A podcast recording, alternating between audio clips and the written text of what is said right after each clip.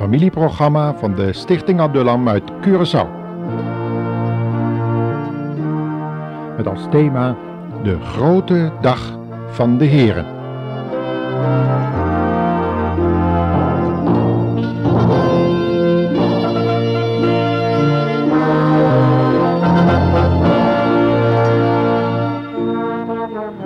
Heb je ook dat gevoel, gevoel van nou, eh, nou zullen we het toch nog beleven? Een derde wereldoorlog.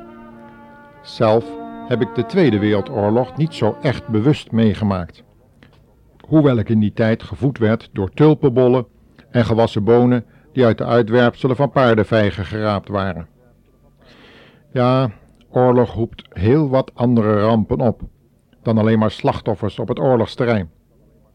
Is het wonder dat in zulke momenten de kerk, dat de mensen de kerk weer gaan opzoeken? Ja, de mens is van nature religieus aangelegd. Dat getuigen de vele verslagen van Rode Kruiseenheden die hun werk op het oorlogsterrein moeten doen. Soldaten die hun zonderschool al lang vergeten waren, proberen nu te bidden en jonge mensen die vergiftigd waren door de evolutietheorie zoeken hun schepper te leren kennen. De gedachte dat ze slechts een veredelde diersoort waren, heeft hen net kunnen, niet kunnen troosten in de laatste ogenblikken van hun jonge leven. En ze hebben naar de zinvraag van het leven gezocht. Er moest meer zijn dan een heilloze theorie van miljoenen jaren biologische ontwikkeling, die tot een soort diersoort had geleid, die bezig was het laatste leven op aarde in naam van gerechtigheid te vernietigen. Intuïtief voelen deze jonge mensen het aan. De grote afrekening is daar, waarin de grote dag des Heren voor hen op dat moment is aangebroken, dat ze oog in oog met hun schepper komen te staan.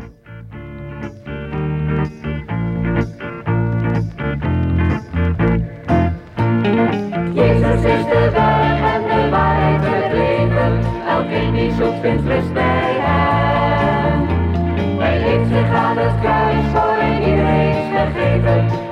Het is volbracht, zo klonk zijn stem. Parapapam, Jezus overwon. Zelfs als heerschappij. Prijst God, hij gaf zijn zoon. Tot heil van jou en mij.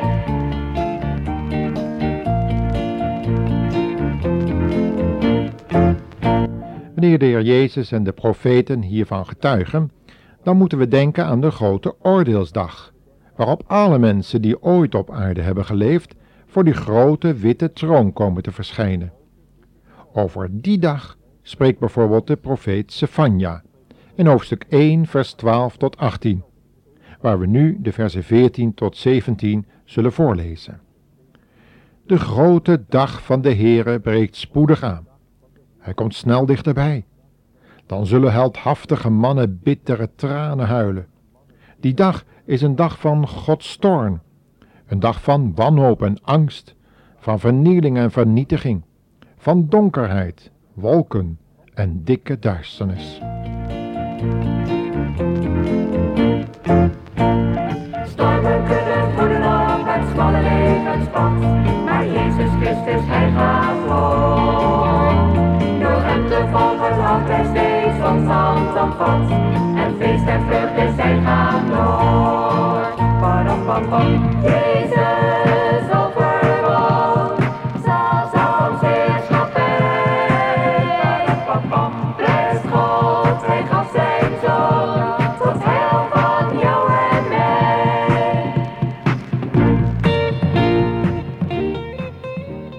Vanwege het feit dat men tegenwoordig van uur tot uur het verloop van een oorlog kan meemaken, is het mogelijk geworden om met de strijdende militairen mee te leven, hun angsten mee te voelen en hun pijnen mee te helpen dragen.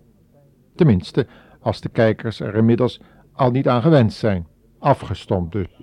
Het is nu eenmaal zo dat alles wendt. Geweldplegingen, moorden, natuurrampen en al dat soort zaken meer. Elke dag kunnen we immers middels spannende detectivefilms de een na de ander zien doodgaan. En de nieuwsmedia laten toch elke dag de gevolgen van aardbevingen, epidemieën, oorlogsgeweld en al die dingen meer zien. Maar als je nu eens zelf betrokken raakt bij al die zichtbare handelingen van geweld, dan praat je wel even anders. De profeet Savanja spreekt dan ook over een wereldwijde betrokkenheid bij de oordelen die God over deze wereld moet laten komen. En of dat nu is doordat hij toelaat dat regeringsleiders verkeerde beslissingen nemen, of dat de aardkorst en het heelal reageert op ons wanbeleid ten aanzien van het milieu, of dat mensen de gevolgen van hun eigen daden moeten ondergaan, dat doet in principe niet ter zake. Het blijft een oordeel van Gods wegen. En het doel is onze bekering, onze redding voor een uiteindelijke en definitieve ondergang, wat de Bijbel de hel noemt.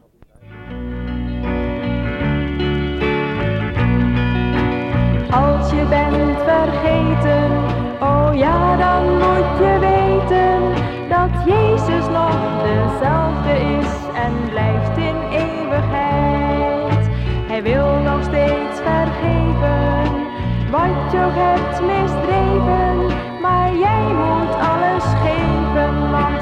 dan word je bevrijd.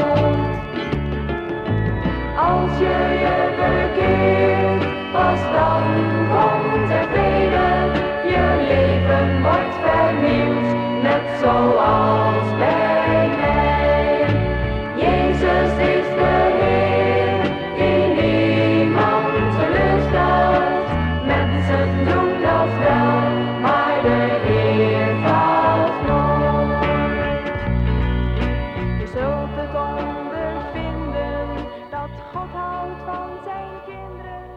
het, prediken over de hel is niet bepaald in.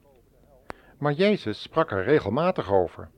En de apostelen Paulus en Petrus predikten vanuit een ernstige bezorgdheid over de eindbestemming van hun toehoorders. Zou ik dan als counselor, wat eigenlijk raadgever betekent, het dan met minder kunnen doen? Daarom wil ik de volgende woorden van de profeet Sefania ook citeren. Want er is hoop voor mensen die rekening willen houden met de woorden die van Gods wegen worden gesproken. Hoor maar eens wat hij in hoofdstuk 2, vers 2 en 3 zegt over dat laatste oordeel van God. Kom tot inkeer, schaamteloos volk. Nu kan het nog. Straks is het te laat. Dan begint het oordeel. Kom tot uzelf, voordat de toorn van de Heer over u losbarst, voordat de dag van zijn oordeel aanbreekt. Laten de nederigen die de Heere gehoorzamen hem om redding smeken. Wees nederig en rechtvaardig. Misschien zal de Heere u op die dag tegen zijn toorn beschermen. Van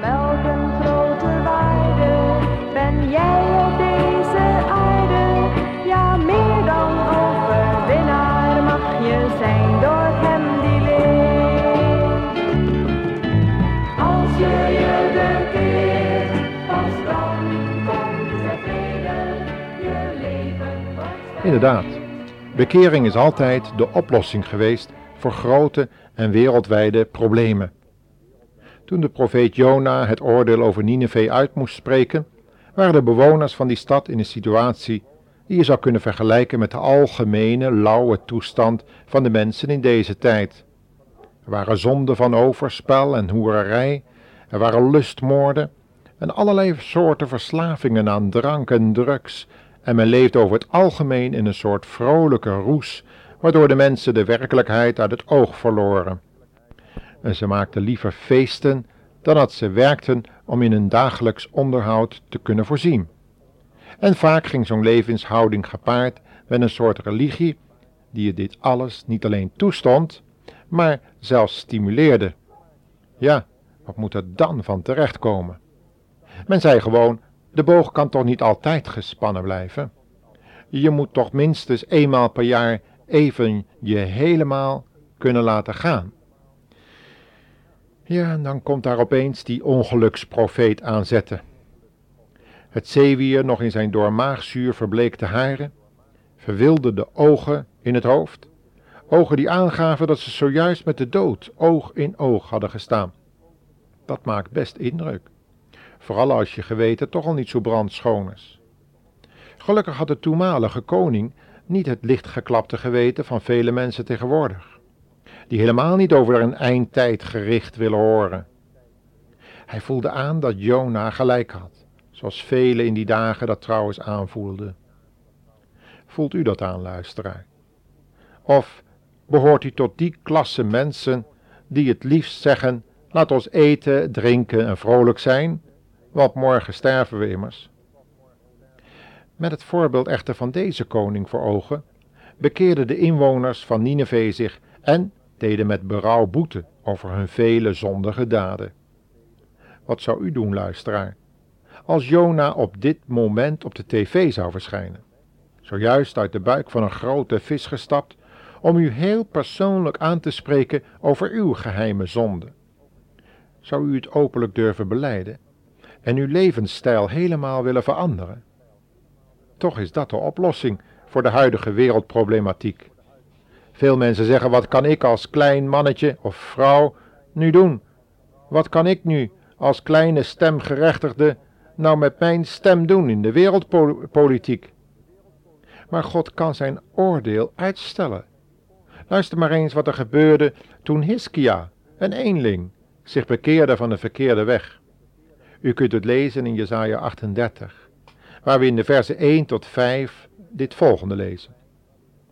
Hiskia werd ernstig ziek, en de profeet Jesaja zocht hem op en gaf hem de boodschap van de Heere. Regel uw zaken, Jesaja, zegt Jesaja, want uw einde nadert. U zult niet herstellen van deze ziekte. En toen Hiskia dat hoorde, draaide hij zijn gezicht naar de muur en bad, Ach, Heere, herinnert u zich niet meer dat ik u altijd trouw ben geweest en ik altijd geprobeerd heb u te gehoorzamen in alles wat u zei? En hij huilde. Daarom stuurde de Heer een andere boodschap naar Jesaja. Ga naar Hiskia en zeg hem, de Heere God van uw voorvader David hoort uw bidden en ziet uw tranen. Hij zal u nog vijftien jaar laten leven. Hij zal u en deze stad uit de macht van de koning van Assur verlossen. Ik zal u beschermen, zegt de Heere. En dit is het bewijs dat ik, de Heere, dit woord dat ik heb gesproken ook echt zal doen. Ik zal de zon tien graden laten teruggaan op de zonnewijzer van Agas. En de zon liep de tien graden terug. Gods woord is zonder deze bewijzen ook waarheid. God liegt niet. Belangrijk is echter dat de tijden, ook die van uw levenseinde, in Gods handen zijn en niet in die van Gods vijand, de Satan. Hoe we soms daar in de praktijk mensen aantreffen die daar anders over denken. Maar des te treffender wordt deze geschiedenis wanneer we bedenken om welke vijand het toen ging en om welk land. Een land wat nu Irak heet, heette toen Assur. En opnieuw is Israël in zorg hoe de toestand zich zal ontwikkelen, evenals Hiskia dat was in zijn dagen. Zouden wij als christenen dan niet kunnen bidden dat we nog enige tijd krijgen om alsnog onze stem te laten horen? Omdat het niet zomaar een loze theorie is, maar een gegeven wat we voor onze ogen zien gebeuren. Goedenavond en God zegen toegewenst.